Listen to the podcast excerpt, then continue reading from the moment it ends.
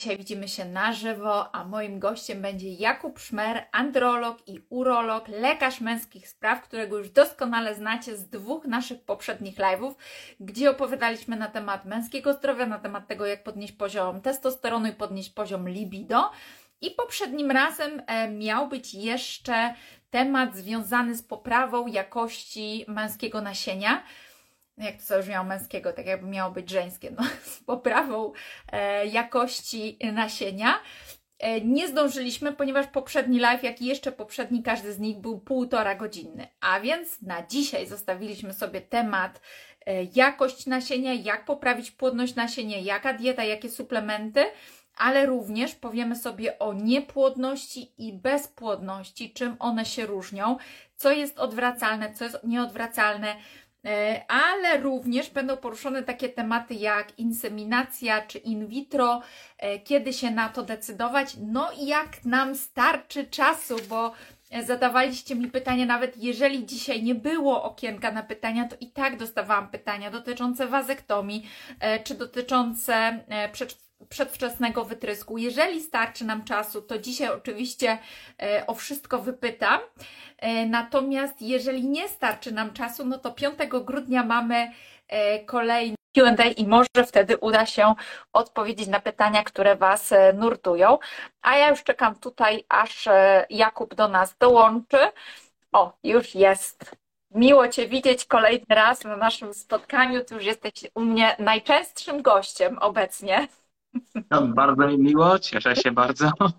Witam wszystkich i od razu i od razu proszę uprzejmie, jeżeli coś by było nie tak z internetem, jak zawsze, dajcie znać, mam jeszcze drugi zapasowy. No, no dobra, to co? Przechodzimy do tematu związanego z jakością nasienia. Zacznijmy od tego, a później płynnie sobie przejdziemy do tematu niepłodności i w końcu bezpłodności, e, bo wiem, że jest mnóstwo dzisiaj i schematów suplementacyjnych. Jednym one świetnie pomagają i e, kobiety zachodzą w ciążę, innym nie pomagają, ponieważ to nasienie się nie poprawia, a zatem na pewno są jeszcze jakieś inne czynniki. Jakbyś też mógł wspomnieć o noszeniu telefonu komórkowego w kieszeni, bo mężczyźni nawet dwa sobie tam często noszą e, i podejrzewam, że to wpływa w jakiś sposób również. E, opowiadaliśmy o plastikowych majtkach, ale na pewno znasz jeszcze wiele, wiele innych czynników, które mają wpływ na nasienie, a które być może nie jesteśmy świadomi. Zostawiam ja... Tobie głos. Jasne, dzięki wielkie, witam wszystkich bardzo serdecznie. Mieliśmy dzisiaj rozmawiać o jakości męskiego nasienia. Tak, dokładnie, nie ma innego nasienia niż męskie, ale tak się przyjęło mówić, więc już zostaniemy przy tej nomenklaturze. dokładnie.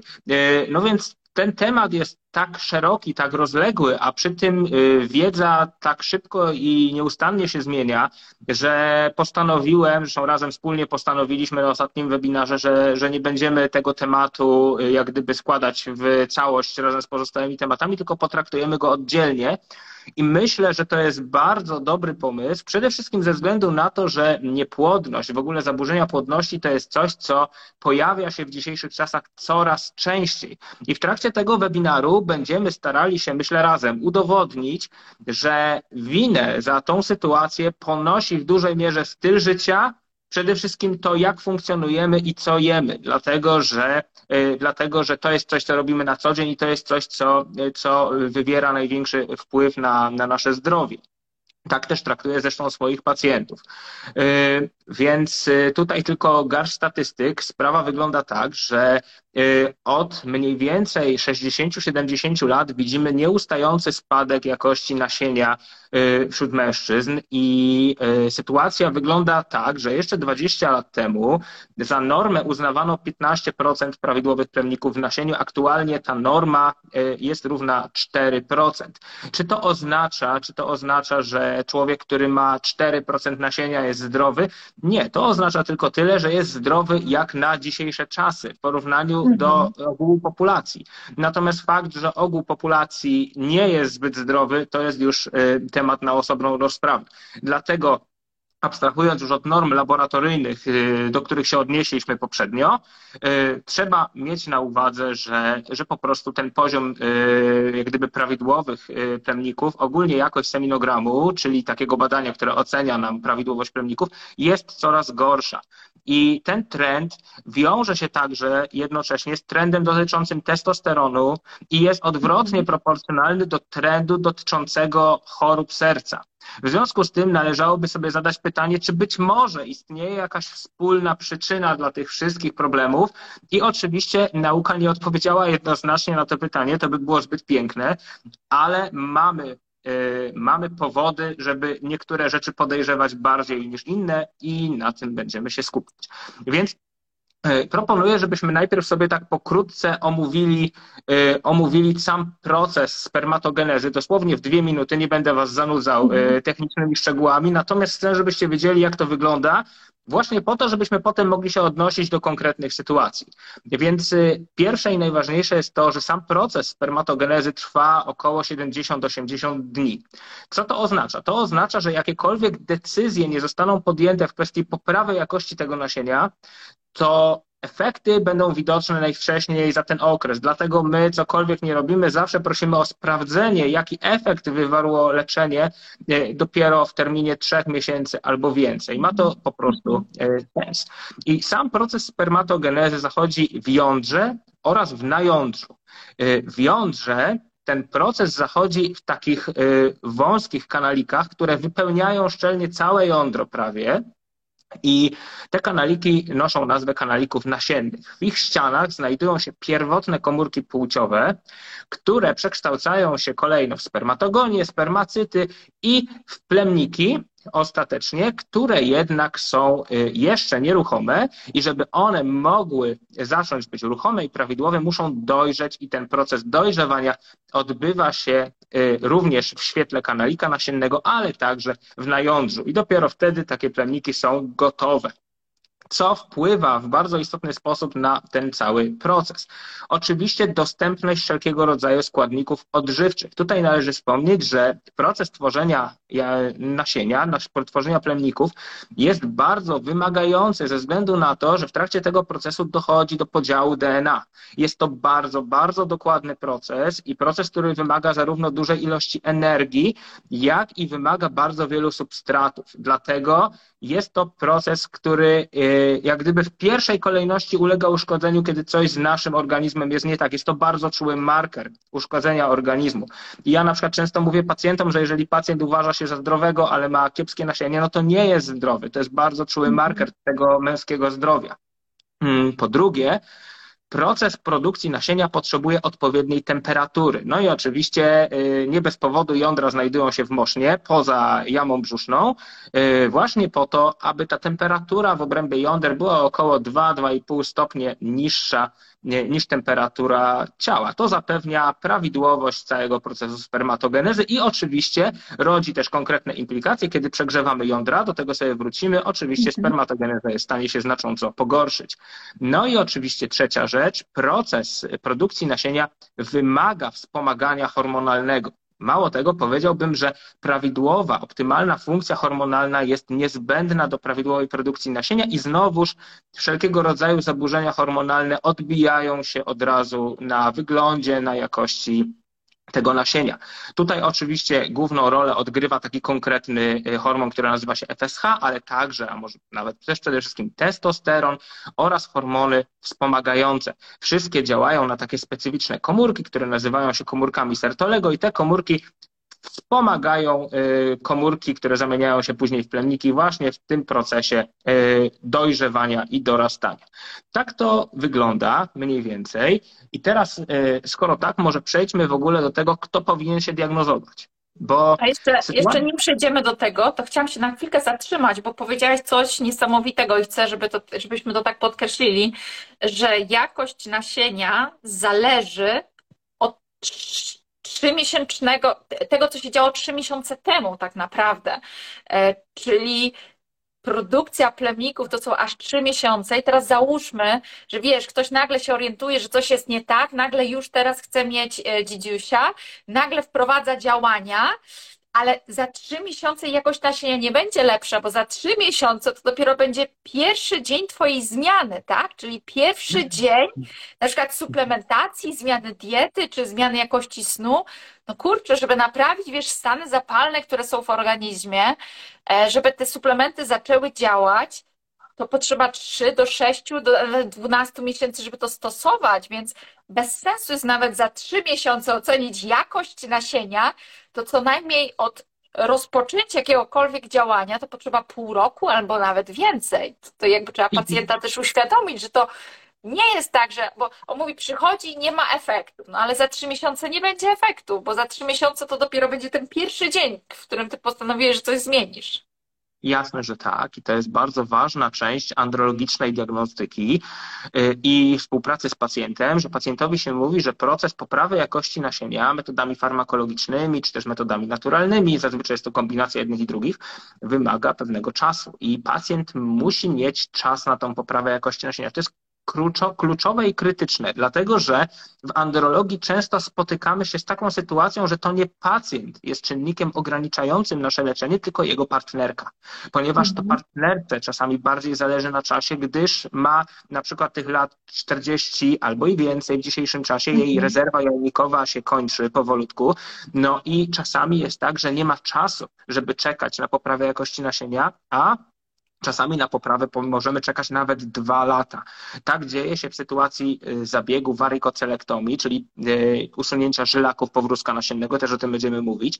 Tutaj mówi się, że część wyników jest widoczna po 3-6 miesiącach, ale z doświadczenia i mojego, i z doświadczenia, które coraz częściej przebija gdzieś na kongresach, y, no jest wyraźne, że ten proces zachodzi nawet dwóch lat, więc trzeba pamiętać, żeby mhm. leczeniem pacjenta nie zrobić krzywdy parze bo może się okazać, że my będziemy poprawiać radośnie jakość nasienia, a w międzyczasie para straci w ogóle szansę na poczęcie dziecka i to zawsze androlog musi brać pod uwagę. Więc tak, to mhm. wymaga czasu, tak, to jest wobec tego leczenie nie dla każdego. Dlatego też tak ważne jest to, moim zdaniem, żeby na wizytę przychodzić, jeżeli chodzi o niepłodność, przychodzić razem, bo jak gdyby leczenie zawsze dotyczy pary. O i właśnie fajnie, bo w ten sposób bardzo ładnie nawiązaliśmy do tego, kto powinien się diagnozować. No i tak. No to lecimy. Tak jest. Diagnozować powinny się przede wszystkim, tak jak powiedziałem, pary.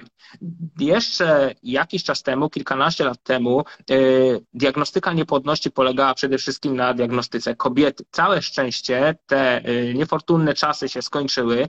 Yy, już teraz wiemy, że obie płcie odpowiadają mniej więcej w równym stopniu za zaburzenia płodności i tak osobno czynnik męski i czynnik damski jako jedyna przyczyna to jest około 1 trzecia przypadków.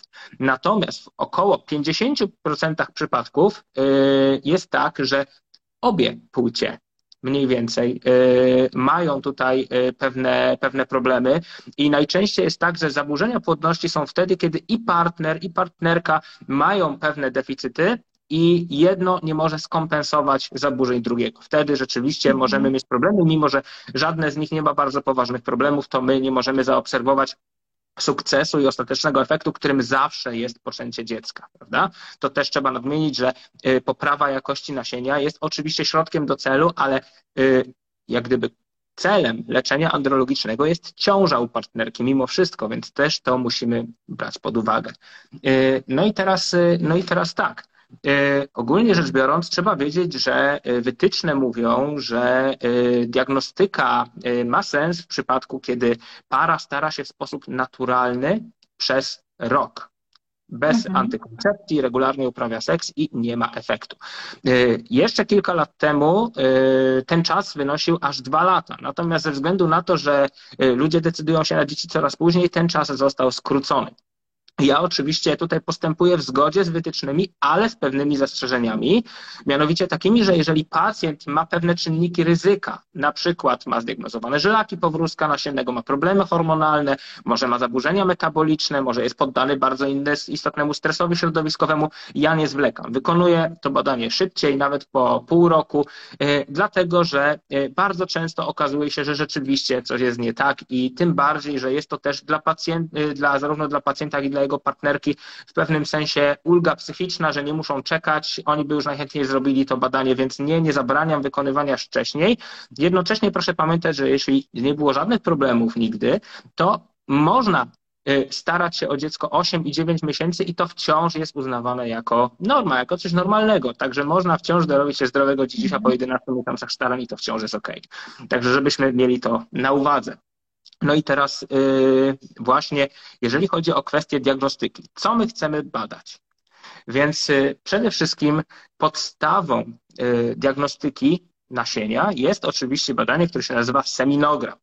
I ten seminogram powinniśmy wykonać przynajmniej dwukrotnie. Chcę to podkreślić, dlatego że seminogramy nie zawsze są y, badaniami bardzo wiarygodnymi. Istnieje bardzo duży rozrzut, jeżeli chodzi o wyniki, i on zależy zarówno od sprzętu, jak również zależy od sytuacji, w jakiej pacjent badał to nasienie. Bo na przykład wyobraźmy sobie, że pacjent y, kąpie się dwa dni wcześniej, trzy dni wcześniej w bardzo ciepłej wodzie i on będzie miał pogorszone to nasienie nawet przez kilkadziesiąt dni.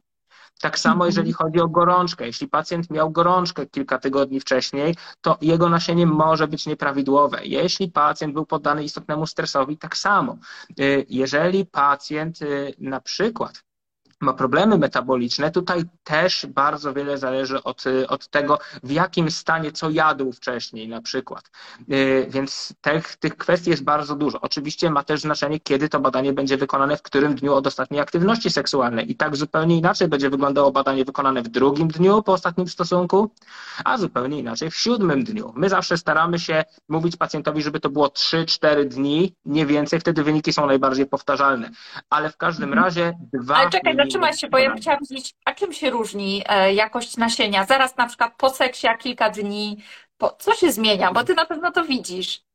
Jasne. I nawet mamy takie powiedzenie, że im krótszy czas, tym nasienia jest mniej, ale jest lepszej jakości. A im czas jest dłuższy, tym nasienia jest więcej, ale jest gorszej jakości. Oczywiście to jest standard, który nie zawsze się sprawdza, ale w większości przypadków -hmm. tak można to zauważyć. Więc można troszeczkę manipulować tymi, tymi wynikami, no natomiast oczywiście do pewnego stopnia tylko, prawda? Tak, tak to mhm. wygląda. No więc Czyli co? Czyli to jest też tak, że jeżeli chcemy na przykład zwiększyć szanse na zapłodnienie, to można manipulować odstępem e, stosunku od stosunku w taki sposób, na przykład wierząc, że kobiecie się zbliża owulacja, e, no, wywołać sobie na przykład, nie wiem, wytrysk, czy, e, czy, czy dojdzie do, do stosunku faktycznie po to, żeby mieć w określonym momencie określoną jakość nasienia? Zasadniczo można próbować, ale niestety nie ma żadnych twardych dowodów naukowych na to, że cokolwiek z tego skutkuje. Więc mhm. patrząc na to czysto logicznie, tak, można by było coś takiego zaryzykować, ale potwierdzenia niestety nie przedstawię, że tak rzeczywiście No to jakbyś mógł powiedzieć, jaki to jest schemat, tak mniej więcej, bo może kogoś to interesuje, jak to trzeba wykonać, żeby no, przy kiepskiej jakości nasienia jednak trafić w te trochę lepsze.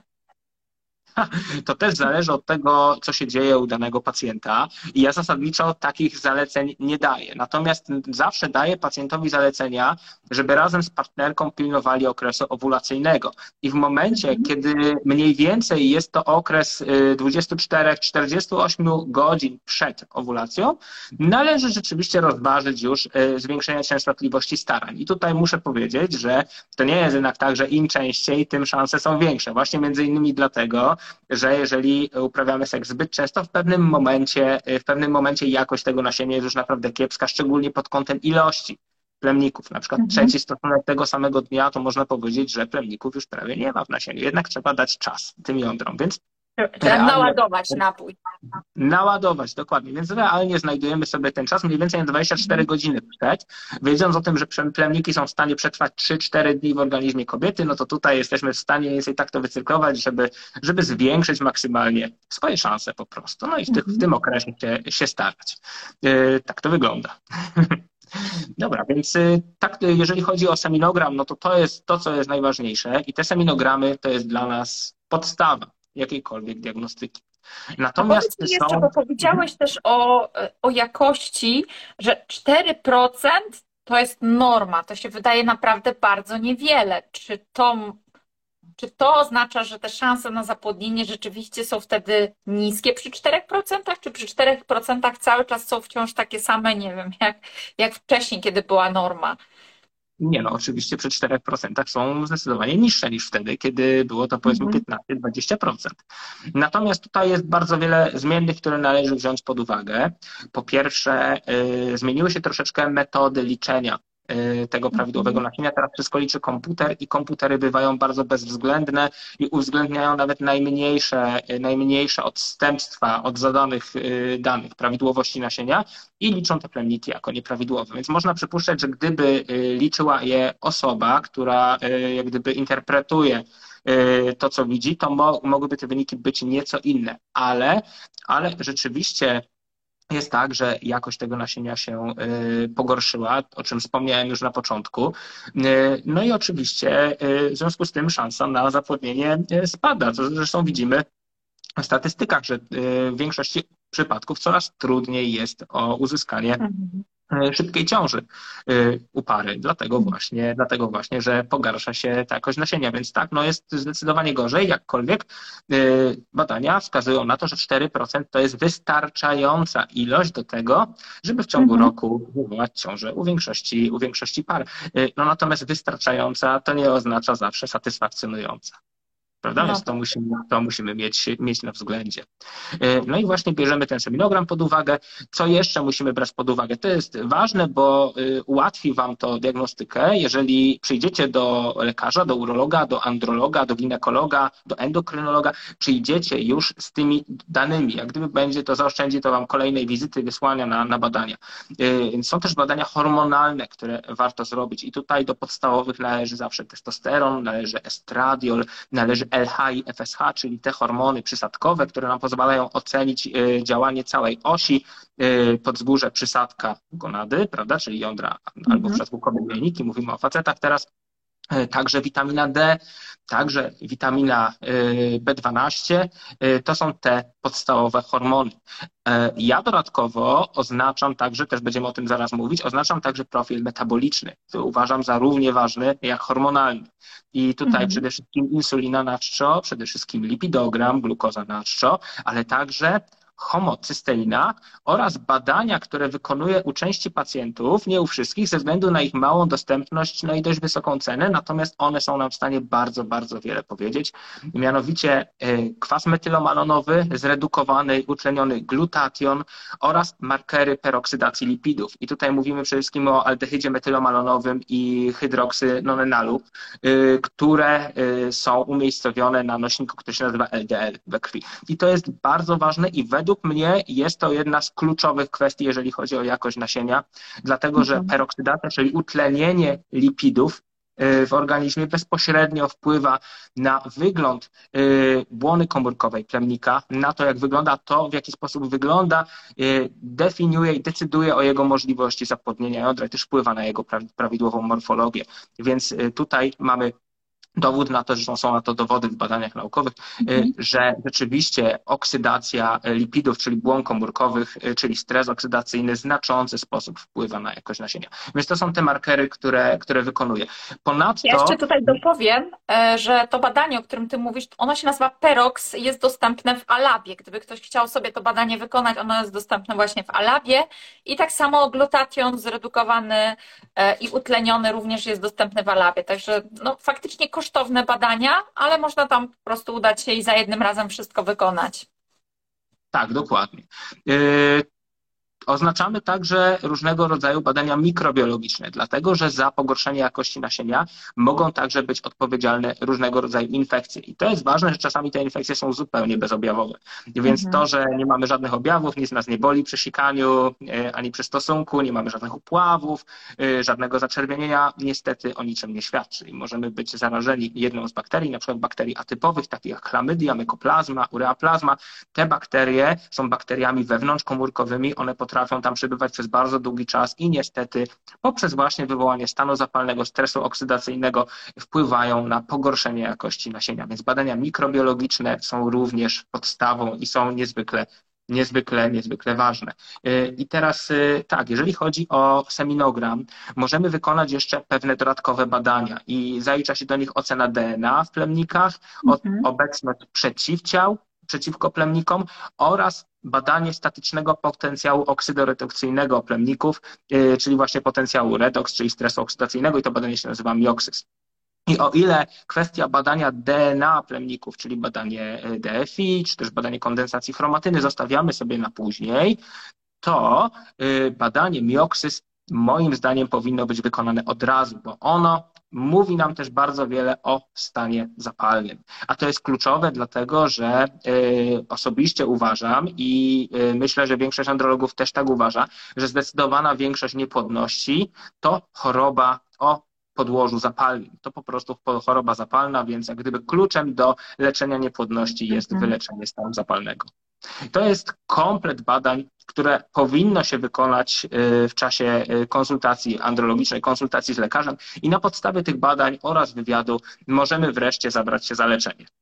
Tak no i tutaj jeszcze mam pytanie znowu dodatkowe, bo jeżeli powiedziałeś o DNA, to wiesz, od razu mi się uruchamia taka korelacja. Czy to jest możliwe, że na przykład mamy mm, no nie wiem, 10% dobrych y, plemników. Wydaje się, że wszystko ok, robimy dodatkowe badania, a tam się okazuje, że jest y, no, jakiś problem w tych dodatkowych badaniach. Czy to może mieć wpływ również na urodzenie dziecka z jakimiś wadami, jeżeli dojdzie do zapłodnienia? Fajnie, bardzo się cieszę, że o to pytasz, bo to jest pytanie, które wszyscy zadają zawsze. Y, I powiem szczerze, że z jednej strony takie ryzyko się zwiększa, takie zapłodnienia przez taki nieprawidłowy plemnik, ale z drugiej strony nie obserwujemy specjalnie zwiększonej ilości patologicznych ciąż. Dlaczego tak się dzieje? Dlatego tak się dzieje, że natura umie sobie radzić z takimi sytuacjami. Nie bez powodu około 20-30% ciąż na wczesnym etapie ulega poronieniu. Właśnie dlatego, że takie ciąże po prostu najczęściej się nie rozwijają i albo w ogóle plemnik patologiczny ze względu na swój kształt, ze względu na nieprawidłową budowę akrosomu, czyli takiego czubka plemnika, który przebija komórkę jajową, nie jest w stanie po prostu przedostać się do komórki jajowej, albo jeżeli już się przedostanie, to y, sam zarodek nie rozwija się prawidłowo i on na bardzo wczesnym etapie ulega poronieniu.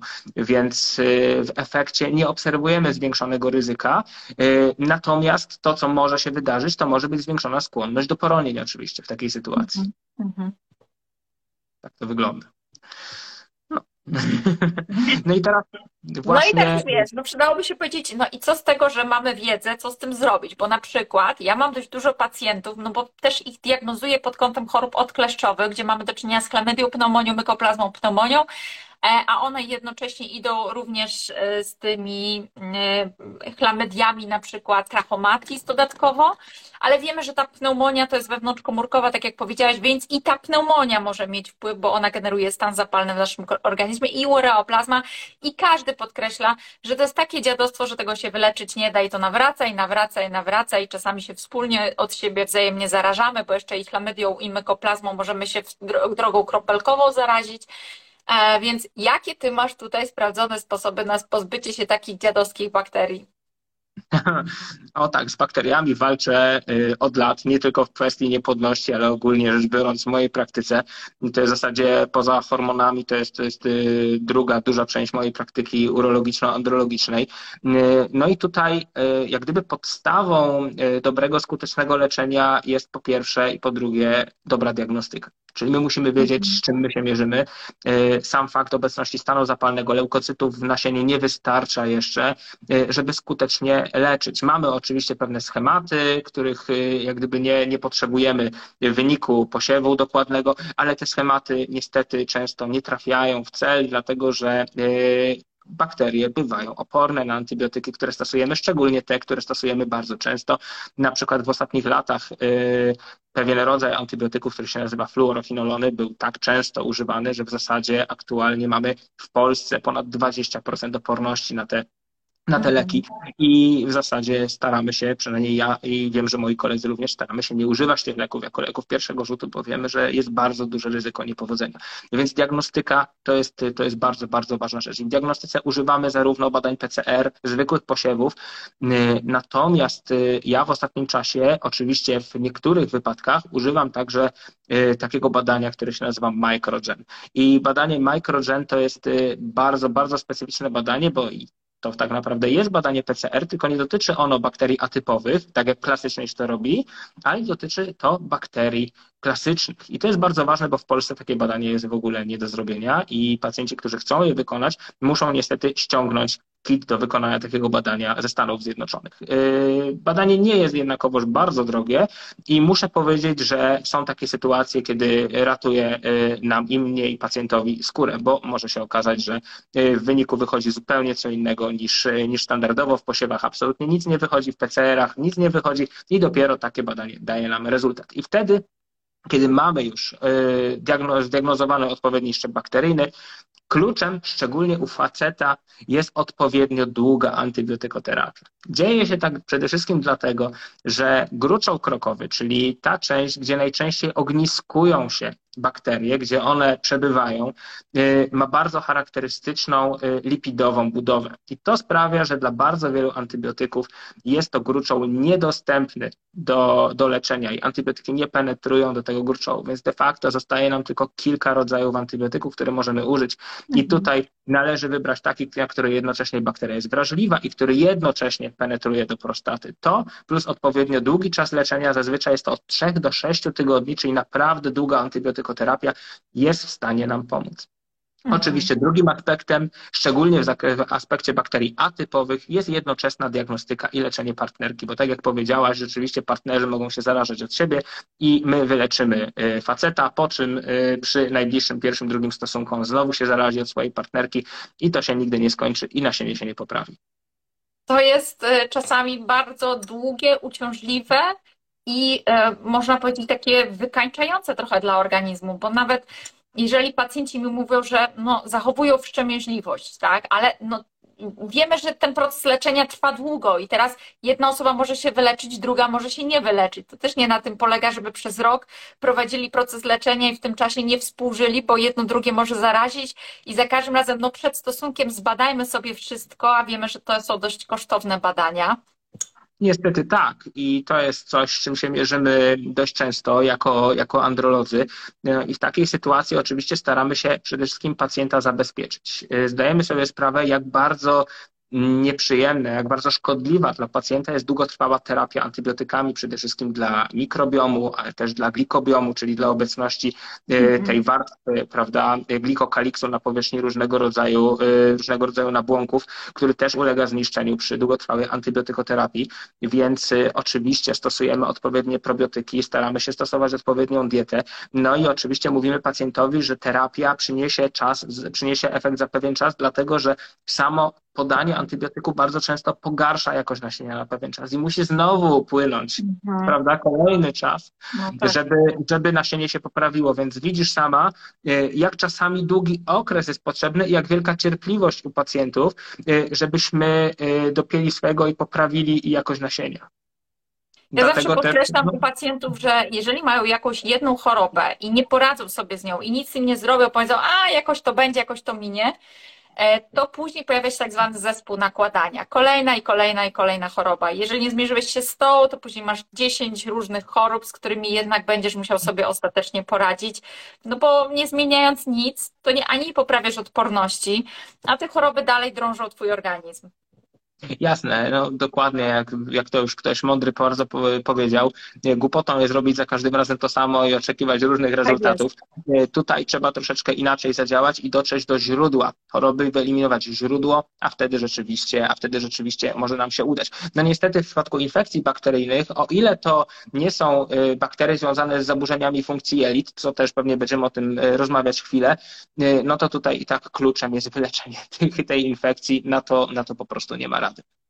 No ale infekcje to jest tak naprawdę temat, mhm. który się pojawia y, dość często, ale nie jest zdecydowanie y, najczęstszą przyczyną y, zaburzeń jakości nasienia.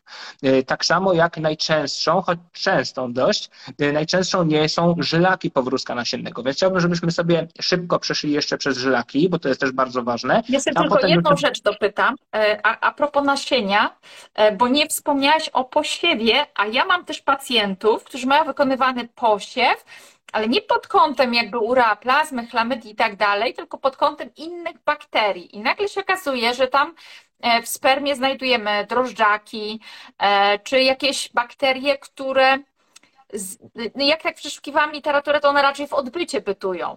E, I czy, czy wtedy, wiesz, zastanawiamy się, gdzie ten penis był ostatnimi czasy, czy to jest związane z możliwością przechodzenia w jakiś sposób tych bakterii e, z jelita e, do nasienia.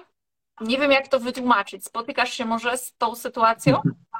Pewnie, że tak. To bardzo częsta sytuacja i e, jako, że ja zajmuję się bardzo często przewlekłym zapaleniem gruczołu krokowego, to z takimi sytuacjami to w zasadzie spotykam się codziennie.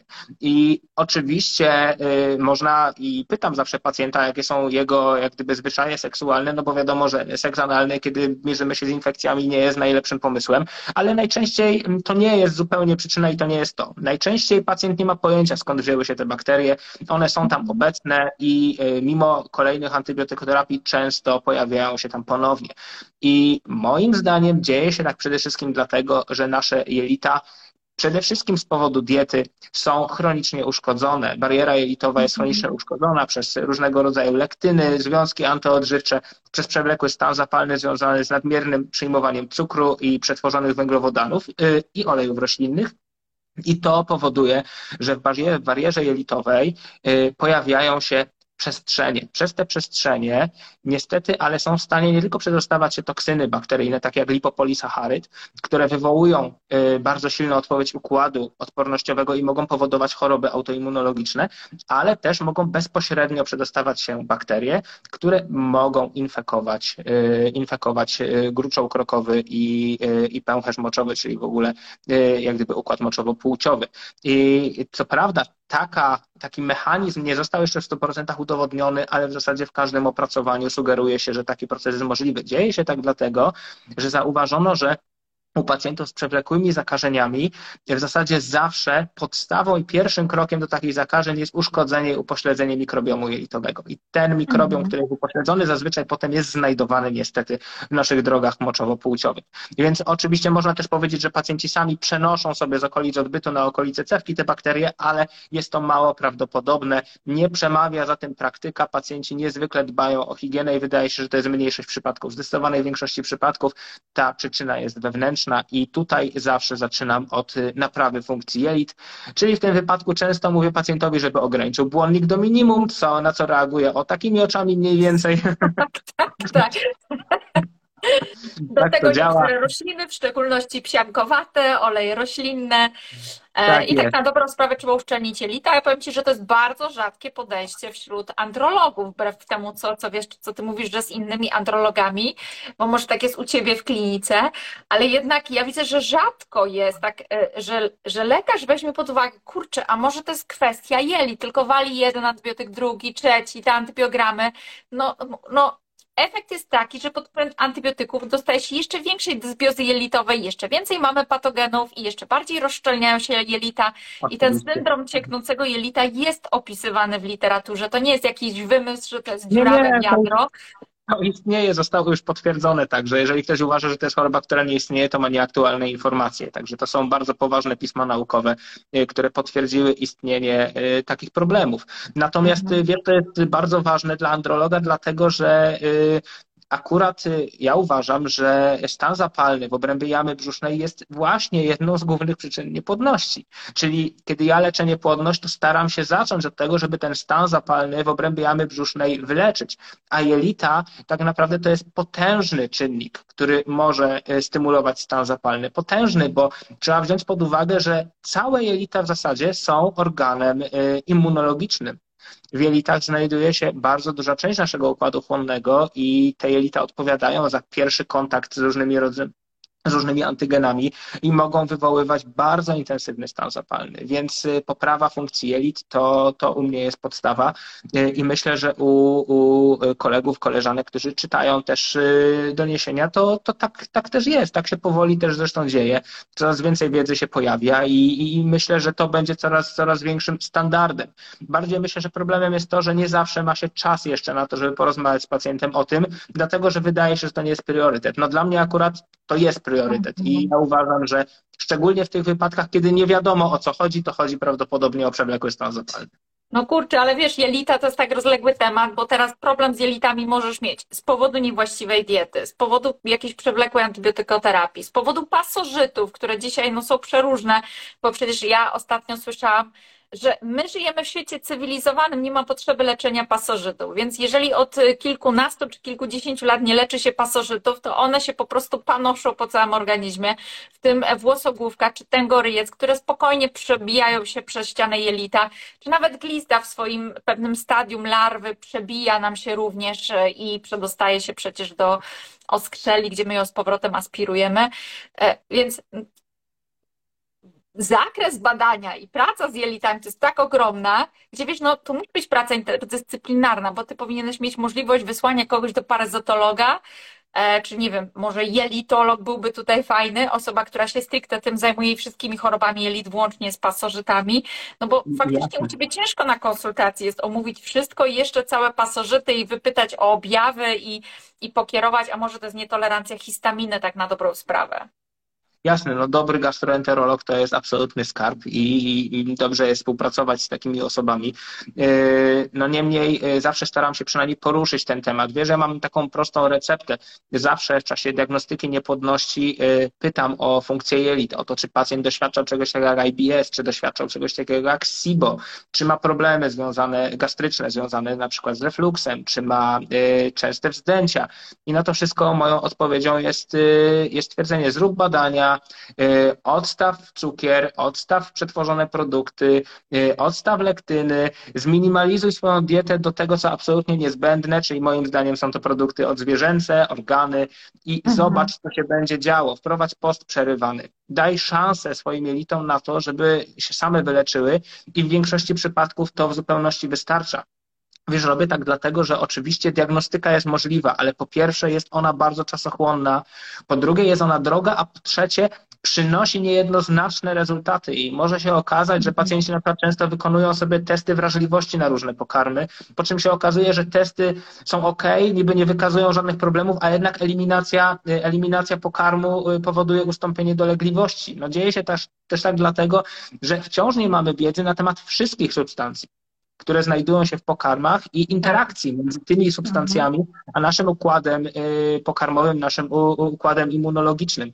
Po prostu takiej wiedzy nie mamy, więc czasami metoda rozpoznania bojem jest naj, najlepsza i najbardziej skuteczna, szczególnie wtedy, kiedy mamy mało czasu.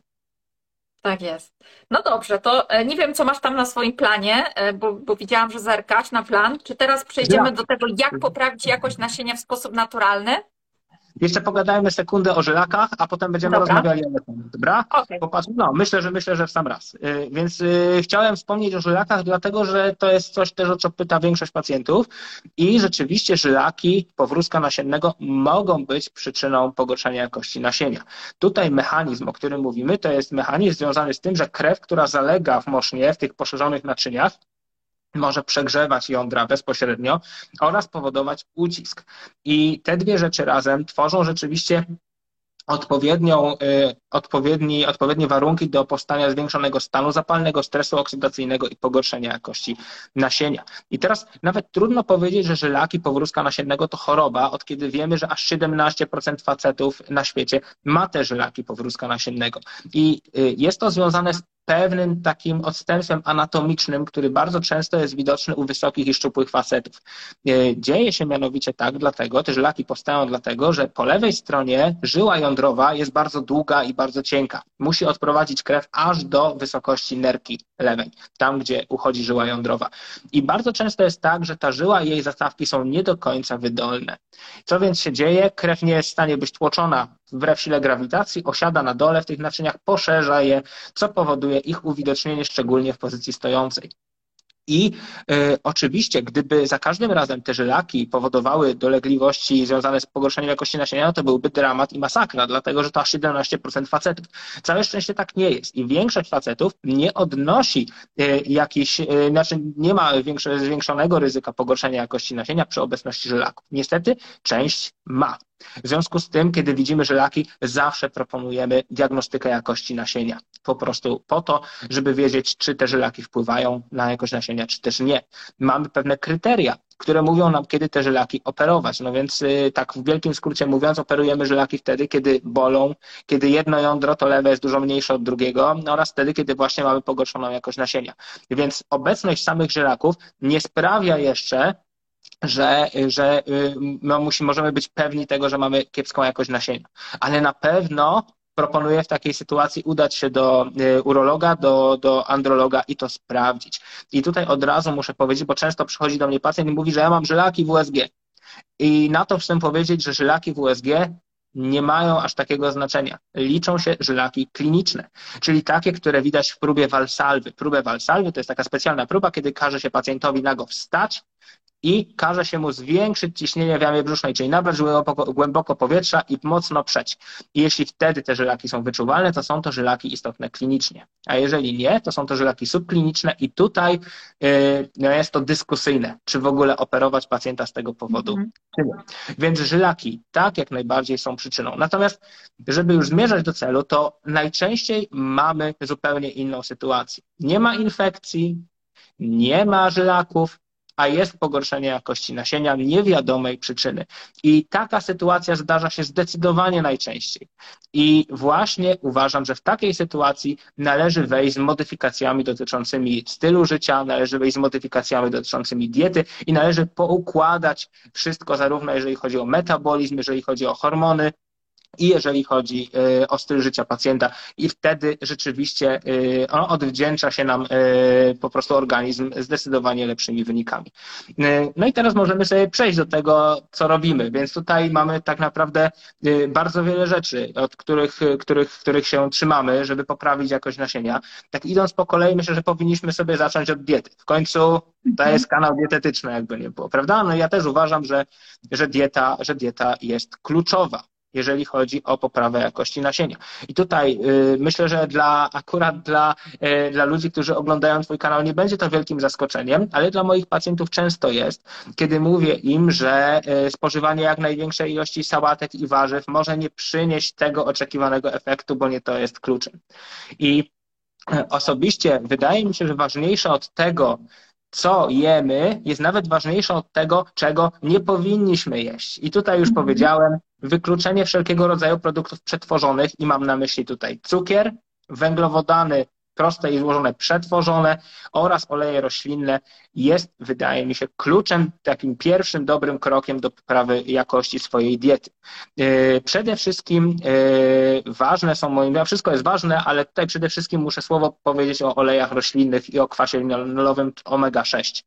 E, dlaczego akurat on jest taki ważny? Ponieważ e, plemnik, jeżeli chodzi o błonę komórkową, w bardzo dużej ilości składa się z nienasyconych kwasów tłuszczowych.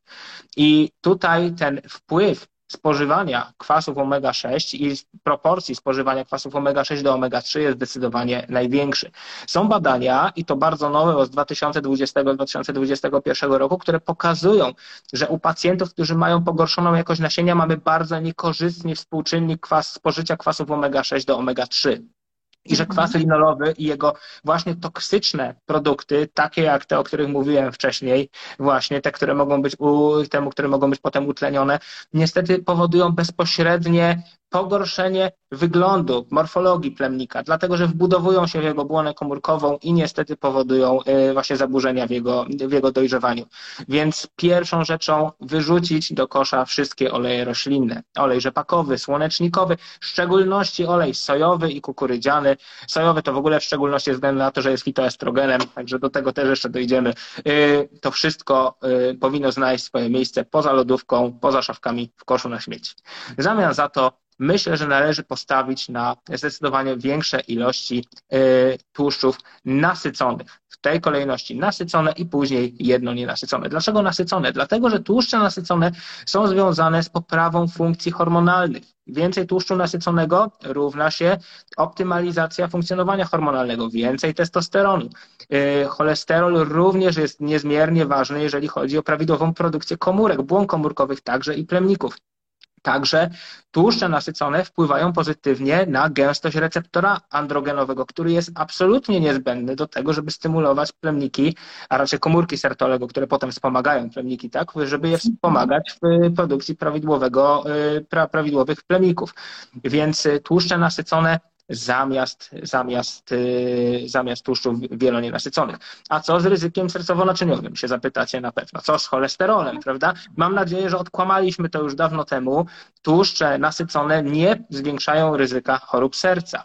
To właśnie tłuszcz wielonienasycony, głównie omega-6, y, jest y, rzeczywiście podatny na utlenienie i taki utleniony LDL, niosący sobie te tłuszcze omega-6, jest potem w stanie stworzyć, prawda, być spożyty przez, y, wchłonięty przez makrofagi stworzyć blaszkę miażdżycową, ale nie tłuszcze nasycone. Tłuszcze nasycone pod tym kątem są obojętne. I y, wzrost LDL związany z przyjmowaniem tłuszczy nasyconych sam w sobie nie jest szkodliwy. Dopiero szkodliwe jest to, kiedy frakcją tego LDL-u zaczyna być y, kwas linolowy, omega-6. Więc w związku z tym, jeżeli chcemy być zdrowi, więcej tłuszczu nasyconego, mniej tłuszczu wielonienasyconego. Tak, no i to jest to... dobra wiadomość, czyli smalec, słonina, boczek. Jasne, to jest jak, jak najbardziej, jak najbardziej. Tak starajmy się też, żeby, y, żeby te tłuszcze nasycone były z dobrego, w miarę możliwości ekologicznego źródła. Pamiętajmy też, czym mhm. karmione są przemysłowo świnki i kurczaki. To jest niestety olej słonecznikowy, olej sojowy, a jako, że e, tłuszcze wielonienasycone nie są w stanie być łatwo usunięte w ustroju, to potem zjadamy to razem z ich tłuszczem. Więc tutaj też e, i w miarę możliwości zawsze mówię pacjentom, żeby starali się wybierać ekologicznie. A już najlepszym produktem jest masło i masło polecam serdecznie. Dobra, tak samo jeżeli chodzi o diety dalej, uważam, że absolutną podstawą powinny być produkty odzwierzęce, dlatego że e, produkty odzwierzęce zawierają w sobie wszystko to, co jest niezbędne, żebyśmy mogli, żebyśmy mogli czuć się dobrze i żebyśmy mogli produkować prawidłowe komórki, także komórki płciowe.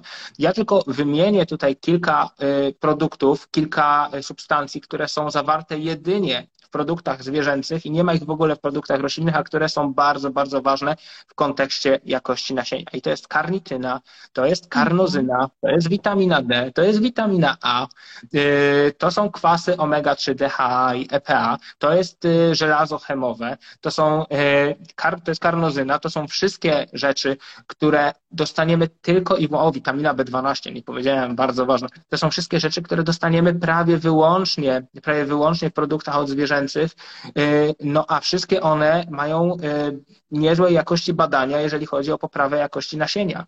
Więc y, nie spożywając takich rzeczy, narażamy się rzeczywiście na pogorszenie tej jakości.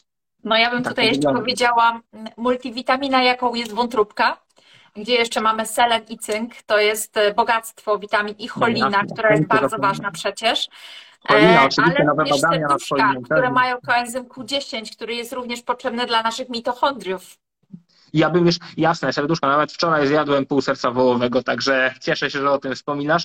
E, ja bym jeszcze dodał szpik kostny, niezwykle ważny, zawierający mnóstwo fantastycznych składników, zdrowy tłuszcz, nasycony, e, więc to wszystko są rzeczy, które powinniśmy, powinniśmy jeść.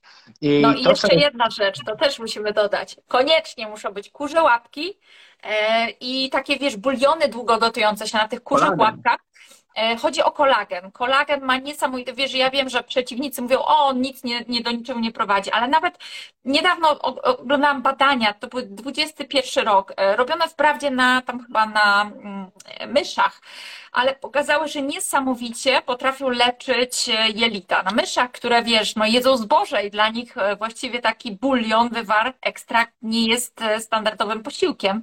I okazało się, że świetnie właśnie działają taki plaster ochronny. Natomiast w przypadku ludzi, no są takie badania, ale wiesz, no nie są to takie mocne dowody. Bardziej to z dziada, pradziada takie dowody anegdotyczne, gdzie mówiono o tym, jak świetnie się poprawia jakość skóry, jakość jelit, e, jakość naszych stawów. No a jak wiemy, kolagen jest to mm, białko takie regenerujące też nasz organizm. super, że o tym mówisz, bo ja osobiście uważam kolagen jako za jeden z superfoods, który y, działa przeciwdziałając starzeniu. Dlatego, że y, istnieją bardzo liczne badania, które pokazują, że za metylację DNA, czyli de facto za to, co nazywamy procesem starzenia, jest odpowiedni, jest odpowiedzialny nieprawidłowy stosunek metioniny do glicyny. I rzeczywiście mhm. spożywając głównie mięso szkieletowe, tej metioniny spożywamy więcej w stosunku do glicyny niż powinniśmy. Inaczej sytuacja by wyglądała, gdybyśmy spożywali zwierzę w całości, razem ze skórą tak właśnie. Jest. Tak, tak wtedy byłoby inaczej, wtedy ten stosunek byłby lepszy. Ale wiadomo, jak dzisiaj wygląda sytuacja. Też nie każdemu będziemy na siłę wciskać wątróbkę, chociaż ja jak najbardziej polecam, to w ogóle nie ma kwestii, jest to absolutny superfood. Ale jeżeli ktoś nie może, to trzeba pamiętać, że w kolagenie ten stosunek glicyny do metioniny jest doskonały i jesteśmy w stanie wyrównać tym niedobory i dzięki temu zapobiegać procesom starzenia się. A y, wolniejszy proces metylacji DNA oznacza na przykład lepszą produkcję kolagenu w skórze, więcej koenzymu Q10 w skórze, no i to się wszystko przekłada bezpośrednio na, mhm. na, na lepszy wygląd, a także na lepszą jakość nasienia, jak najbardziej. Y, więc pod tym kątem rosoły, buliony, y, wszelkiego rodzaju produkty zawierające zawierające skórę, jak najbardziej, jak najbardziej jesteśmy, jesteśmy na tak. E, natomiast e, pytanie wobec tego, e, co z innymi produktami, szczególnie co z warzywami, ponieważ są liczne badania, które wskazują na to, że warzywa zawierają sobie różnego rodzaju antyoksydanty i że one mogą być przydatne. Więc to, co ja mówię pacjentom, to jest taka sytuacja. Przede wszystkim Przede wszystkim wszystko zależy od tego, jak ktoś toleruje warzywa. To zależy w bardzo dużej mierze od mikrobiomu. Jeżeli oczywiście ktoś czuje się świetnie spożywając warzywa, nie ma problemów jelitowych, to nie widzę powodu, dla których nie miałby tego robić. Dlatego, że rzeczywiście trudno zaprzeczyć warzywa. Zawierają różnego rodzaju związki, które są nam potrzebne. Natomiast w parze z tymi związkami idą też związki, które niestety działają przeciwodżywczo. I tutaj zawsze trzeba się zastanowić nad bilansem zysków i strat. Czasami ten bilans wychodzi pozytywnie, czasami negatywnie nie jest łatwo ocenić, ale ogólnie rzecz biorąc, jeżeli ktoś dobrze się czuje, to taka dieta fajna, ketogeniczna, z warzywami, bogata w warzywa, bogata w błonnik jest jak najbardziej dla niego. Natomiast jeśli ktoś ma chore jelita, jeśli ktoś ma zaparcia, jeśli ktoś ma choroby autoimmunologiczne, to im więcej tych chorób, tym bardziej powinien kierować się w stronę diety opartej głównie na produktach zwierzęcych i tym bardziej powinien eliminować warzywa z diety, które są jakby nie było pewnego rodzaju produktem takim yy, nastawionym na przetrwanie. Ludzie od y, tysięcy lat spożywali głównie tłuste mięso zwierząt i organy, natomiast warzywami, jako wszystkożercy, żywili się przede wszystkim wtedy, kiedy nie było niczego lepszego dookoła, więc to też trzeba mieć, y, mieć to na uwadze, a warzywa nie chcą być zjadane, więc bronią się tak, Dokładnie. jak potrafią. Dla niektórych, y, dla niektórych bilans netto wychodzi pozytywnie, dla niektórych negatywnie. Natomiast y, jeszcze jedna kwestia, to jest kwestia węglowodanów. To też jest tutaj y, pędzlowan na dziesiątą stronę, więc myślę, że takie pytanie padnie. I ja oczywiście nie jestem przeciwnikiem węglowodanów. Sam jestem na diecie ketowor, więc jestem blisko karniwora i oczywiście pewnie bywam w ketozie częściej niż rzadziej, ale nie, nie jestem przeciwnikiem węglowodanów. Uważam, że włączenie węglowodanów do diety, szczególnie w aspekcie poprawy płodności, może mieć głęboki sens. Dlatego, że węglowodany i stymulacja y, metabolizmu węglowodanami sugeruje naszemu organizmowi, że oto nastał czas obfitości. A ten y, cykl obfitości i głodu jest czymś naturalnym dla nas i on stymuluje właśnie wytwarzanie y, naszych hormonów, także hormonów płciowych i przygotowuje nas do procesu rozmnażania się. Więc u zdrowych metabolicznie osób, u których nie mamy insulinooporności, węglowodany w tych najlepszych, najzdrowszych formach, moim zdaniem są to przede wszystkim owoce, y, jak najbardziej miód, ewentualnie jak najbardziej są do dodania do diety i one mogą stanowić doskonały element naszej diety, szczególnie kiedy troszkę więcej się ruszamy. Jeżeli ruszamy się mniej, to tych węglowodanów powinno być odpowiednio mniej, ale jeżeli jesteśmy zdrowi, nie rezygnujmy z nich. Nie musimy spożywać ich codziennie. Możemy robić tak, jak ja na przykład sugeruję moim pacjentom, odwzorowując te okresy głodu i obfitości, spożywamy dwa dni w tygodniu większej ilości węglowodanów, a pięć dni w tygodniu mniejszej ilości węglowodanów i w ten sposób uzyskujemy wszystkie efekty, które chcemy. Więc y, węglowodany jak najbardziej na tak, ale wtedy, kiedy jesteś w stanie dobrze je zmetabolizować. Jeżeli nie, najpierw się wylecz z insulinooporności, przejdź na keto, y, wyeliminuj y, oleje roślinne, wylecz z insulinooporności, wtedy zapraszam serdecznie do spożywania węglowodanów, będą dla Ciebie idealne.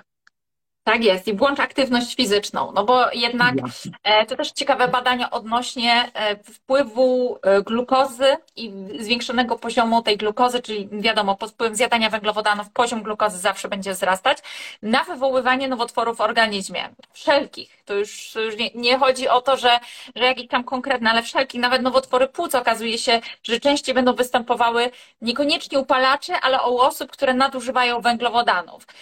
Więc wiemy, że nowotwór to jest również podłoże stanu zapalnego, a więc cukier będzie powodował stan zapalny i te badania pokazują, że mm, chodzi tu też o mleczany, które się wytwarzają w procesie spalania glukozy i mleczan się wytwarza nam również pod wpływem aktywności fizycznej. I aktywność fizyczna sprawia, że ten mleczan jest przez nasz organizm świetnie wykorzystywany. Natomiast ten, który się wytwarza pod wpływem glukozy, jest fantastycznym pożywieniem dla nowotworów. Więc e, w momencie, kiedy my idziemy na aktywność, wtedy pozwolimy sobie na większą ilość e, węglowodanów, to też jest mniejsze ryzyko, że zostanie jakby nadwyżka tych e, węglowodanów w organizmie, która może być spożytkowana właśnie na procesy zapalne czy w procesie dożywiania potencjalnych nowotworów w organizmie. Jasne, że tak. Ja myślę, że tutaj kwestia nowotworowa to jest bardzo skomplikowana kwestia i tutaj oczywiście mm, zwiększenie stężenia glukozy gra swoją bardzo ważną rolę razem ze zwiększonym spożyciem kwasów właśnie omega-6 i tak razem jest. ze stylem życia i to wszystko razem składa się na podłoże prozapalne, jeżeli chodzi o nowotwory. Natomiast ja też uważam, że na węglowodany trzeba sobie zasłużyć, w sensie aktywnością. Zapracować. Nie, niekoniecznie intensywną aktywnością fizyczną, do tego za sekundkę dojdę, bo będę mówił o ćwiczeniach fizycznych w niepłodności. Y, natomiast istnieje coś takiego jak wychwyt glukozy niezależny od insuliny. I to jest coś fantastycznego i to polega na tym, że w czasie aktywności fizycznej y, mięśnie są w stanie są w stanie użytkować glukozę obecną we krwi bez stymulacji insulinowej. I to jest jeden z czynników, który najsilniej poprawia nam insulinowrażliwość przy ćwiczeniach fizycznych. I właśnie między innymi dlatego ćwiczenia fizyczne są w stanie zdecydowanie poprawić nam efekty walki z insulinoopornością właśnie poprzez ten mechanizm niezależny, niezależny od insuliny. Więc to jest bardzo, bardzo fajna rzecz. Natomiast już wracając do tematu niepłodności, jeżeli chodzi o takie y, hormetyczne stresory, jak ćwiczenia fizyczne, jak post, jak na przykład y, ekspozycja na zimno, to moim zdaniem grają one bardzo ważną rolę, wspomagającą, pomocniczą. Dzieje się tak dlatego, że wiedząc o tym, że niepłodność jest chorobą zapalną, powinniśmy robić wszystko, żeby zwiększyć możliwości naszego organizmu do walki właśnie ze stanem zapalnym, do eliminacji wolnych rodników. Żadna suplementacja do ustna, żadnymi substancjami, nawet najlepszymi, nie da nam tego, co nasze własne możliwości organizmu. I tutaj stosując stresory hormetyczne, takie jak właśnie krótkotrwała ekspozycja na zimno, takie jak aktywność fizyczna, takie jak post przerywany, prawda? Y, aktywujemy różnego rodzaju geny, takie jak innymi FOXO3. Jest to najważniejszy gen, który ma zapewnić nam przetrwanie i przy aktywacji genu FOXO3 dochodzi do znacznego zwiększenia produkcji glutationu i różnego rodzaju enzymów, które specjalizują się w neutralizacji wolnych rodników. Także mhm stosując takie czynniki hormetyczne, zdecydowanie lepiej radzimy sobie po prostu ze stanem zapalnym. Natomiast kluczem, i to jest to, co zawsze mówię pacjentom, jest to, żeby to był bodziec hormetyczny. Czyli weźmy ćwiczenia fizyczne, bo to jest to, co najczęściej ludzie robią. Jeżeli ktoś poćwiczy nawet intensywnie, ale dwa, trzy razy w tygodniu przez krótki czas, to ten bodziec będzie krótki i intensywny w sam raz, żeby wywołać oczekiwane przez nas efekty, które są najważniejsze. Ale jeżeli będzie robił to codziennie, to stres stanie się przewlekły i zamiast poprawy odczujemy pogorszenie funkcjonowania, ponieważ y, niestety nie uzyskamy tego efektu, natomiast zwiększymy kortyzol, ograniczymy możliwości organizmu do regeneracji, więc nie, nie ćwiczymy za dużo, szczególnie jeżeli staramy się o dzieci, ćwiczymy w sam raz, nie dużo, a konkretnie, tak żeby po obudzić te wszystkie mechanizmy. To wszystko muszą być po prostu stresory hormetyczne, czyli w małej ilości, a konkretnie. I wtedy czyli to, to na przykład y, siłownia i jak długo, siłownia. jakim ciężarem?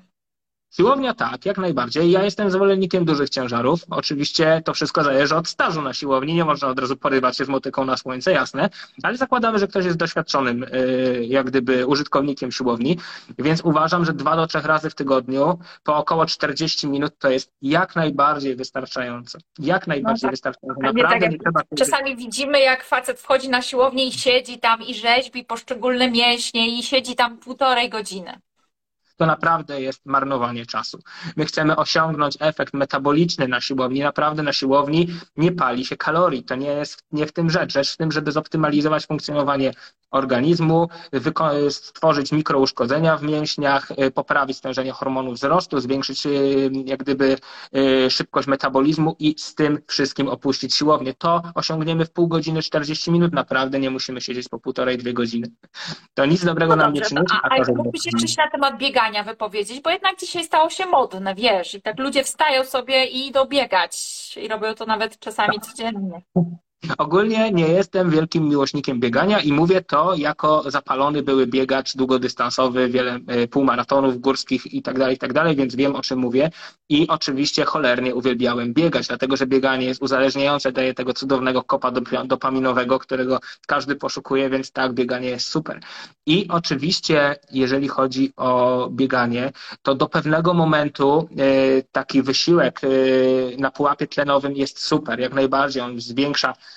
zwiększa naszą właśnie odporność na stres, też w mechanizmie, też w mechanizmie stresora hormetycznego i e, poprawia naszą przeżywalność ze wszystkich przyczyn. Są badania, że im ktoś ma lepszą wydolność, tym dłużej żyje, więc to jest bardzo fajne. Natomiast to, co zauważam bardzo często jest to, że ludzie przesadzają z bieganiem, biegają bardzo duże objętości, e, jeżeli chodzi o kilometraż i biegają bardzo często, nie dając organizmowi czas na regenerację. Jest udowodnione, że takie bieganie, bardzo intensywne albo bardzo długie, niestety, ale powoduje znaczące długotrwałe wzrosty kortyzolu, co przekłada się na obniżenie testosteronu, na obniżenie podności także, ponieważ mhm. przegrzewamy organizm długoterminowo i ogólnie z bodźca hormetycznego robimy stres przewlekły, czyli to na pewno nie będzie skuteczne. Bieganie jest fajne, e, albo jeżeli jest intensywne i konkretne, albo jeżeli potrafimy biegać tak, żeby nie przekraczać pewnego pułapu, e, jeżeli chodzi o wydolność. Jeżeli biegamy jeżeli biegamy na pułapie całkowicie tlenowym, czyli to jest około 60-65% tętna maksymalnego, tak, że jesteśmy w stanie prowadzić normalny dialog z osobą obok, to w takiej sytuacji stres nie występuje. Możemy biegać dłużej. Widzę na dole pytanie, co ze spacerami. No właśnie, spacery są super, jak najbardziej. Spacer to jest taka aktywność, która może rzeczywiście poprawić naszą wydolność, ale jednocześnie na pewno nie wywoła, nas, nie wywoła u nas przewlekłego stresu, ponieważ ciężko się zmęczyć y, i wejść powyżej progu mleczanowego spacerując. Oczywiście. Mhm. Więc y, tak, jak, najba jak najbardziej spacery ja są ok. Ja śmieję, bo wiesz, ja sobie próbowałam swoje bieganie przypomnieć i nigdy ono nie było e, w takim na takim przedziale tętna, żebym mogła swobodnie rozmawiać, także ja nigdy nie byłam na takim etapie decydowania. Super, że to mówisz, bo ja też właśnie mówię, że dla większości osób, tych, którzy nie biegają, to odpowiednim, y, odpowiednim ćwiczeniem będzie spacer. Może być szybszy, mhm. można wziąć kiki, jak najbardziej, to jest ok. Jeżeli tylko ktoś lubi taką aktywność, która trochę trwa i nie nudzi się yy, uprawiając taką aktywność, to jak najbardziej to jest opcja dla niego. Jeżeli jeszcze wyjdziemy w przyrodę i na przykład tak spacerujemy w lesie, yy, jeszcze jeżeli mamy słońce i możliwość wystawienia się promienie słoneczne, to wtedy osiągamy bardzo liczne benefity i jestem wielkim zwolennikiem takiego sposobu spędzania wolnego czasu.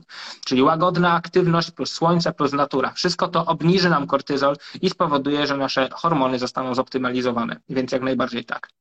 No, jeszcze padło pytanie, czy 16-letni syn może ćwiczyć na siłowni? Pewnie, że może, jak najbardziej. Natomiast bardzo uprzejmie proszę, żeby znalazł sobie dobrego trenera, który dopasuje ćwiczenia właśnie zarówno do jego możliwości, jak również do jego warunków fizycznych. Trzeba się też zastanowić, czy syn jeszcze rośnie, czy już nie rośnie, bo to jest taki wiek graniczny y, i tutaj też odpowiednio dopasowywać ćwiczenia y, do tego, do tego właśnie, jak wygląda i w jakim okresie się znajduje. Ale myślę, że dobry trener y, zrobi to bez problemu. Na pewno ćwiczenia są także dla nastolatków. Zdecydowanie. No dokładnie. I teraz, y, jeżeli już sobie omówiliśmy kwestię diety, kwestię tych bodźców hormetycznych, y, to jeszcze dodatkowo jeszcze chciałbym... Jeszcze byś powiedział coś o żółtkach jaja, bo o tym nie powiedziałeś, a wiesz, niekiedy jest taki mit, y, że mama nie powinna karmić swoich dzieci, synów żółtkami, bo będą nadmiernie pobudzone i miały zbyt wysoki testosteron i będą się częściej onanizowały. Więc wiesz, gdzieś tam tak, z dziada pradziada przekazuje się takie, taką, wiesz, informację, która niesie taki ładunek, żółtko równa się testosteron. Może chodzi o cholesterol, może chodzi o cholinę, nie wiem. E, tutaj chodzi o bardzo wiele różnych rzeczy. Żółtko jest kopalnią, kopalnią witamin, e, jak najbardziej, e, także witamina A, witamina D, także, także bardzo dobry profil tłuszczowy, nasycone 50%, jedno nienasycone prawie 50%. To jest doskonały, doskonały profil. Zresztą profil przyswajalności jaja to jest w ogóle 100, prawda? Czyli to jest to, to jest tak mhm. jakby ta wzorcowa przyswajalność tych wszystkich makroskładników. Cholina, owszem, odgrywa tutaj swoje znaczenie, no i cholesterol. Zasadniczo cholesterol bezpośrednio jest w stanie przełożyć się na, zarówno na ilość receptora androgenowego, jak również na testosteron. Więc tak, no podejrzewam, że to nie mit i dzieci karmione mięsem i żółtkami jaj będą pewnie masturbować się częściej. No ale cóż, tak wygląda fizjologia. Jeżeli zamiast tego wolimy wyhodować sobie otyłe dzieci siedzące przed komputerem yy, i zajadające płatki yy, z mlekiem, to proszę bardzo. Natomiast yy, nic dobrego z tego nie wyjdzie i będziemy pewnie obserwowali taki efekt, jak obserwujemy aktualnie. Więc tyle na temat żółtek jaj. Ja uważam jak najbardziej, że żółtka jajana tak.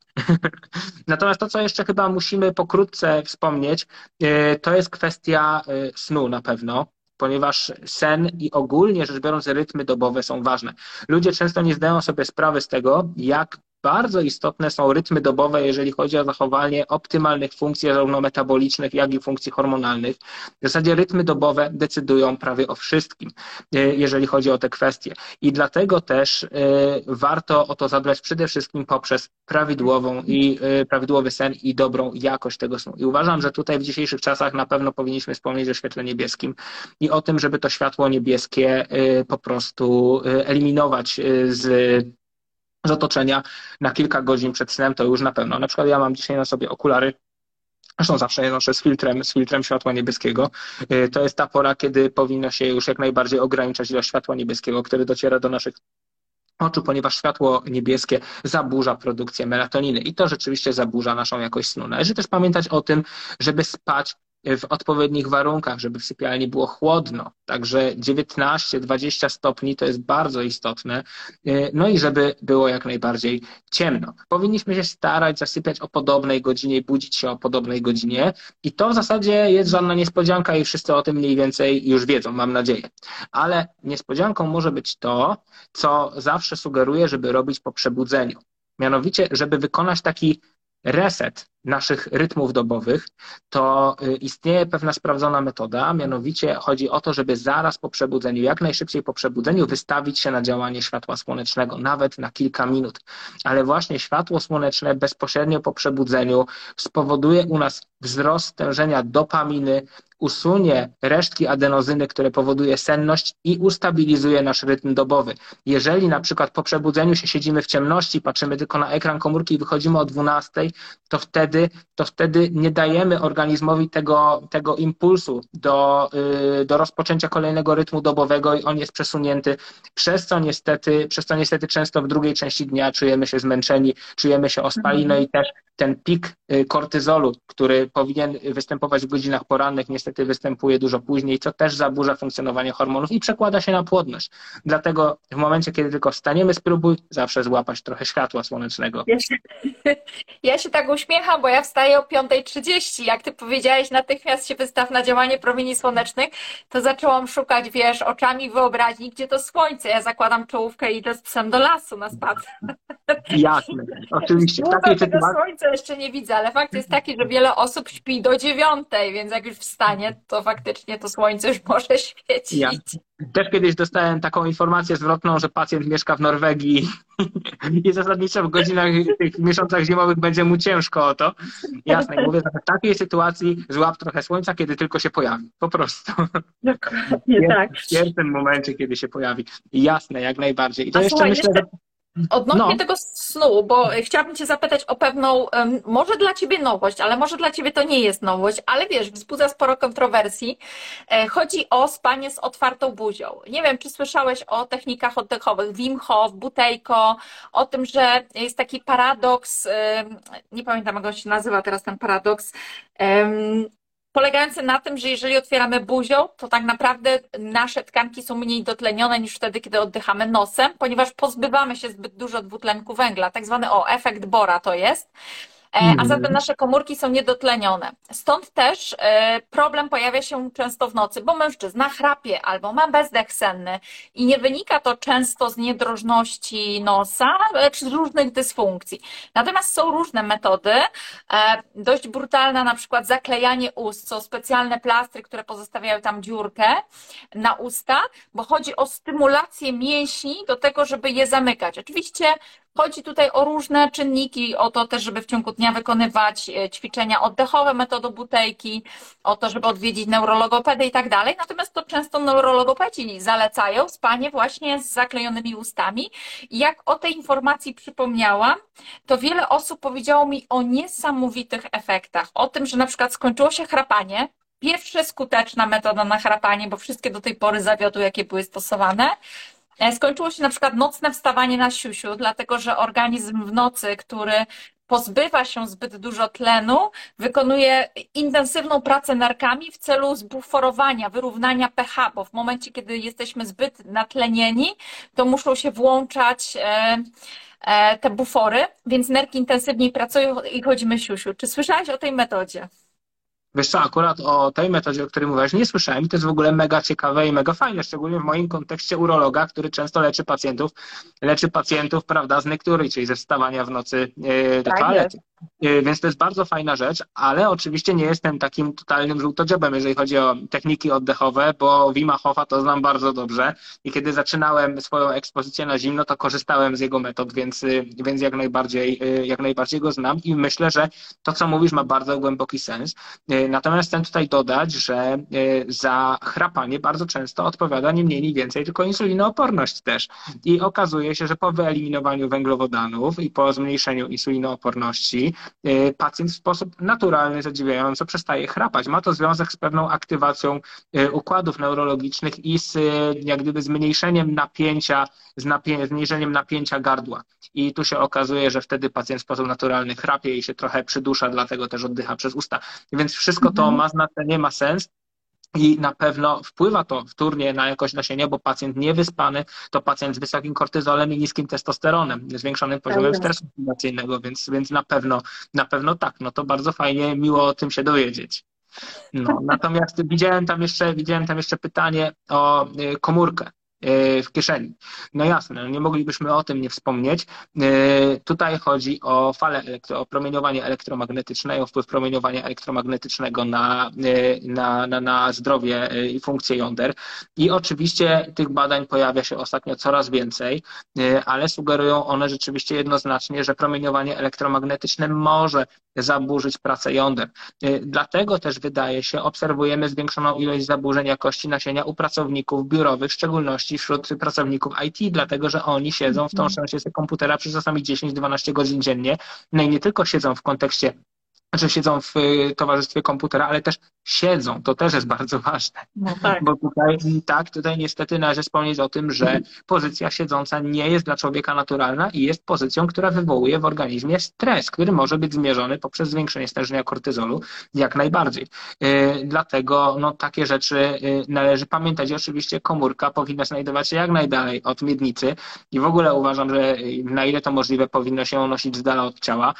Tak samo jeżeli korzystamy korzystamy y, z komputera, w szczególności z laptopa, to y, staramy się pracować w pewnym oddaleniu od niego, a już na pewno nie trzymając go na kolanach, bo tutaj dochodzi oprócz promieniowania elektromagnetycznego jeszcze dochodzi kwestia przegrzewania jąder. No i mhm. przegrzewanie jąder to jest kolejna rzecz, temat rzeka, o której powinniśmy, może tylko wspomnimy, ale wszystkim chłopom mówię, jak jednemu, żeby unikali przegrzewania jąder. Także jeżeli staramy się o dzieci, to gorące kąpiele albo wyjazdy do Tetralandii nie wchodzą w grę. tak samo noszenie obcisłych... Dokładnie. Ogrzewany fotel. Tak, ogrzewany fotel stosowany przy lekarzach. Nawet każe pacjentom rezygnować z czegoś bardzo fajnego, czym jest sauna i zazwyczaj pacjentom polecam saunę, ale nie, kiedy mamy problemy z jakością nasienia i staramy się o dzieci. Wtedy sauna może przynieść skutki odwrotne do zamierzonych. Także mhm. robimy to się da, żeby unikać przegrzewania jąder. Tyczy się to także ubrania. Staramy się stosować materiały naturalne, materiały przewiewne i niezbyt ściśle obejmujące naszą miednicę. Tutaj wracamy do tematu słynnych majtek z polipropylenu, prawda, ze tak. sztucznych materiałów, gdzie było udowodnione w jednym badaniu, że pogarsza bezpośrednio materiał sam pogarsza jakość nasienia. To też należy mieć na uwadze, także jeżeli staramy się o dzieci, wyrzucamy z naszej szafy wszystko, wszystkie, y, wszystkie majtki, całą bieliznę wykonaną ze sztucznych materiałów i staramy się zamienić ją na materiały naturalne. No to myślę, że to są takie podstawowe rzeczy, które powinniśmy robić. Natomiast y, wciąż nie powiedzieliśmy sobie jeszcze, co może jeszcze z nami zrobić doktor, dlatego że mhm. no, mówiliśmy mnóstwo rzeczy, jeżeli chodzi o lifestyle, a cała medycyna została w zasadzie nietknięta. Zobacz, że rozmawiamy godzinę 15. No niesamowite to jest, no. Mówiłem, że to dobry pomysł, żeby płodność e, jak gdyby ruszyć osobno, dlatego że tak jak mówię, to jest temat rzeka.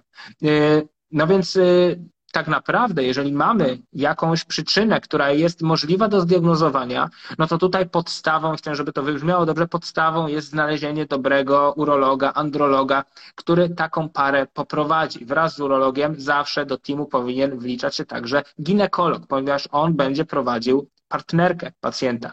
I tutaj dopiero takie działanie prawdopodobnie i że bardzo często jeszcze razem y, we współpracy z innymi lekarzami, z endokrynologiem, z gastroenterologiem, to może doprowadzić y, do ostatecznego sukcesu.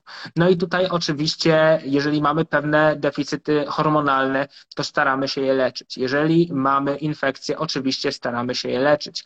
Y, jeżeli mamy różnego rodzaju, jeżeli mamy różnego rodzaju bardzo poważne zaburzenia, na przykład takie jak aspermia albo oligospermia, czyli wtedy, kiedy ilość tego nasienia nie przekracza kilku milionów plemników na mililitr, to czasami jest potrzebna współpraca genetyka klinicznego i musimy tutaj wykonać badania genetyczne.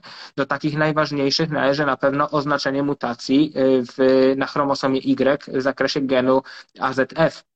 To jest w zasadzie zespół genów y, i to jest rzeczywiście jeden z niewielu przypadków, gdzie y, czasami nie da się nic zrobić, bo jeżeli pacjent ma mutację w zakresie genu AZF A albo B, to tych plemników nie ma i po prostu nie będzie. I w takiej sytuacji to jest w zasadzie jedna z bardzo niewielu sytuacji, kiedy nic nie zrobimy. Mhm. Natomiast w pozostałych sytuacjach, w takich trudnych przypadkach, bardzo często wykonujemy coś, co się nazywa biopsja jądra.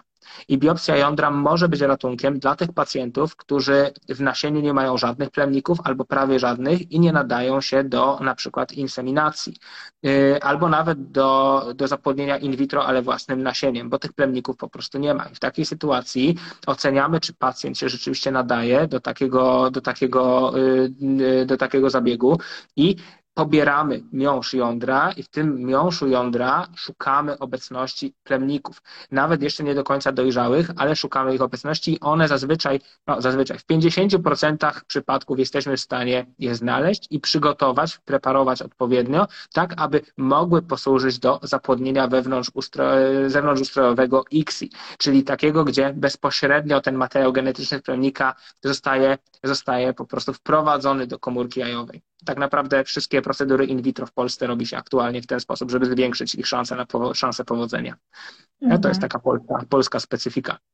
Więc y, jak gdyby y, urologia czy w ogóle y, andrologia ma metody na bardzo, bardzo wiele zaburzeń, nawet tych bardzo poważnych. Kluczem, jak zawsze, pozostaje odpowiednia diagnostyka, bo czasami rzeczywiście okazuje się, że pacjent nie ma plemników w ogóle, ale w przebiegu diagnostyki okazuje się, że pacjent ma bardzo niski testosteron, bardzo niskie LH, czyli okazuje się, że oś nie pracuje. I prosta terapia farmakologiczna, na przykład lekiem, który nazywa się Clostilbezyd, albo w połączeniu z suplementacją hormonu, który nazywa się FSH, jest w stanie spowodować, że w ciągu kilku miesięcy u pacjenta pojawią się prawidłowe, e, prawidłowe mhm. wyniki nasienia. Więc czasami są to super fajne, spektakularne efekty, które może zapewnić nam klasyczna medycyna. Więc y, jak najbardziej nie możemy negować medycyny klasycznej, wręcz przeciwnie. Powinniśmy prowadzić jednoczesne działania z zakresu tego, co możemy zrobić, jeżeli chodzi o styl życia i jednocześnie się dokładnie diagnozować. Wtedy szansa na to, że poprawimy jakość nasienia i że rzeczywiście efekt końcowy, czyli dziecko, się pojawi ostatecznie,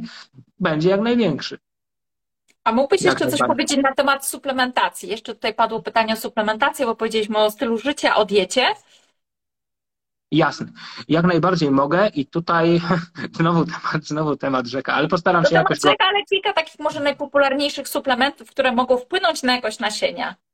Jasne, ale najpierw muszę powiedzieć, kiedy brać, dlatego że yy, często jest tak, że przychodzi pacjent do mnie, do, y, do androloga, prawda? No i on już przychodzi y, z wynikami niektórymi i mówi, że on już od kilku miesięcy stosuje na przykład suplement łączony, w którym mamy antyoksydanty, witaminy, różnego rodzaju. No już tam nawet nie zastanawiając się, czy jakość tych preparatów jest bardzo dobra, czy kiepska, różnie to bywa, ale trzeba się zastanowić, czy pacjent powinien takie preparaty przyjmować. I tutaj w zasadzie podstawą takiej suplementacji jest ocena stresu oksydacyjnego nasienia. Dlatego, że e, stres oksydacyjny nasienia, jeżeli jest bardzo wysoki, to rzeczywiście może on wpływać negatywnie na jakość nasienia i tutaj suplementacja antyoksydantami może pomóc. Mamy na to dowody. Natomiast w przypadku, kiedy stres oksydacyjny jest bardzo niski, to suplementacja tymi samymi antyoksydantami zaszkodzi pacjentowi, pogorszy jego jakość nasienia. Dzieje się tak dlatego, że wolne rodniki to nie jest coś, co powinniśmy eliminować w stopniu maksymalnym. Wolne rodniki to jest droga komunikacji między mitochondriami a jądrem komórkowym i to jest informacja zwrotna dla jądra komórkowego, jak funkcjonują mitochondria.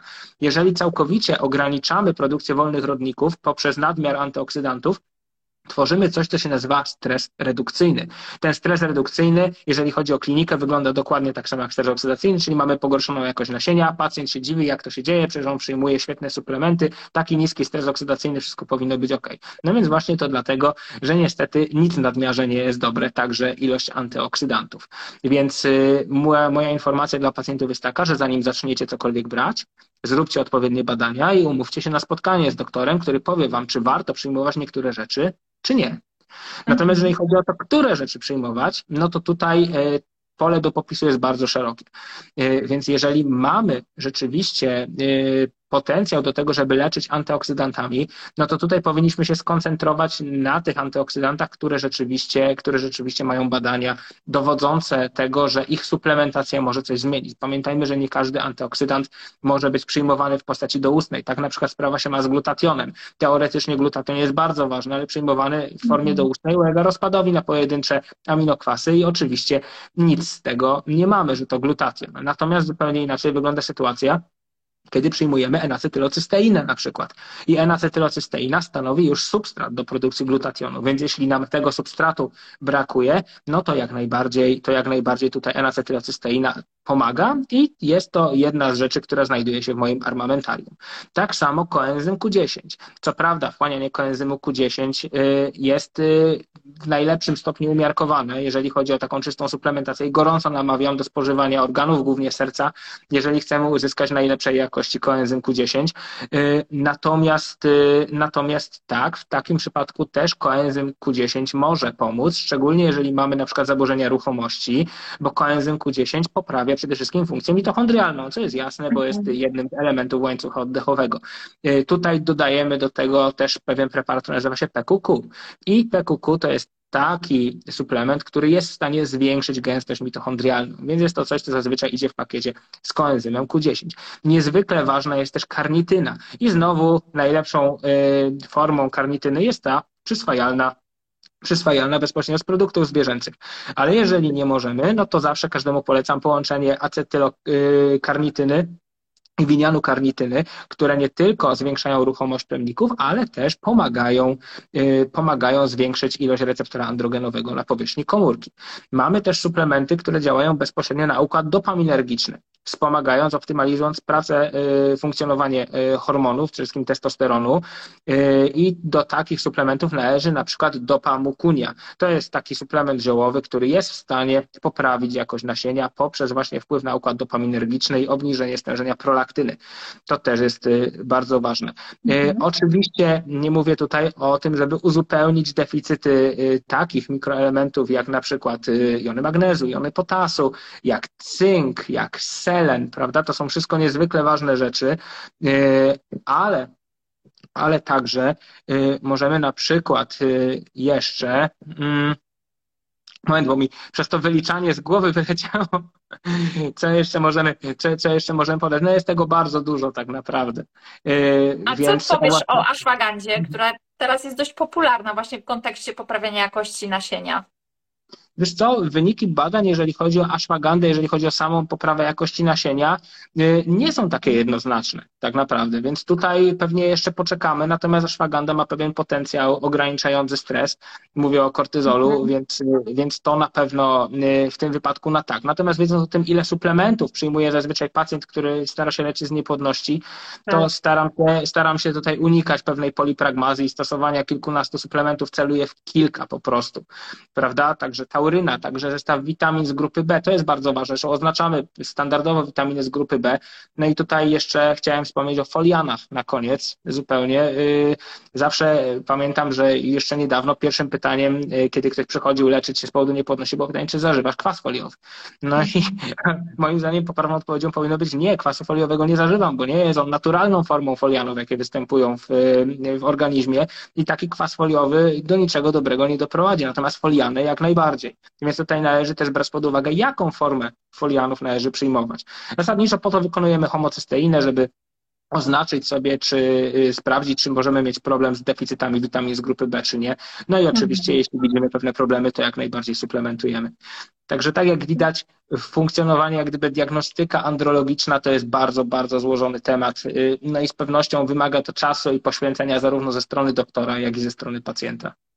No tak, a, a jeżeli chodzi o suplementację, to, to dobrze jest prowadzić współpracę interdyscyplinarną, bo mm, o ile lekarz może się skupić na tych swoich dla siebie najważniejszych, o tyle ja mam trochę więcej czasu w gabinecie, bo jak sobie zdiagnozuję pacjenta, to widzę, czy jest problem z jelitami, ze stanami zapalnymi, starczycą.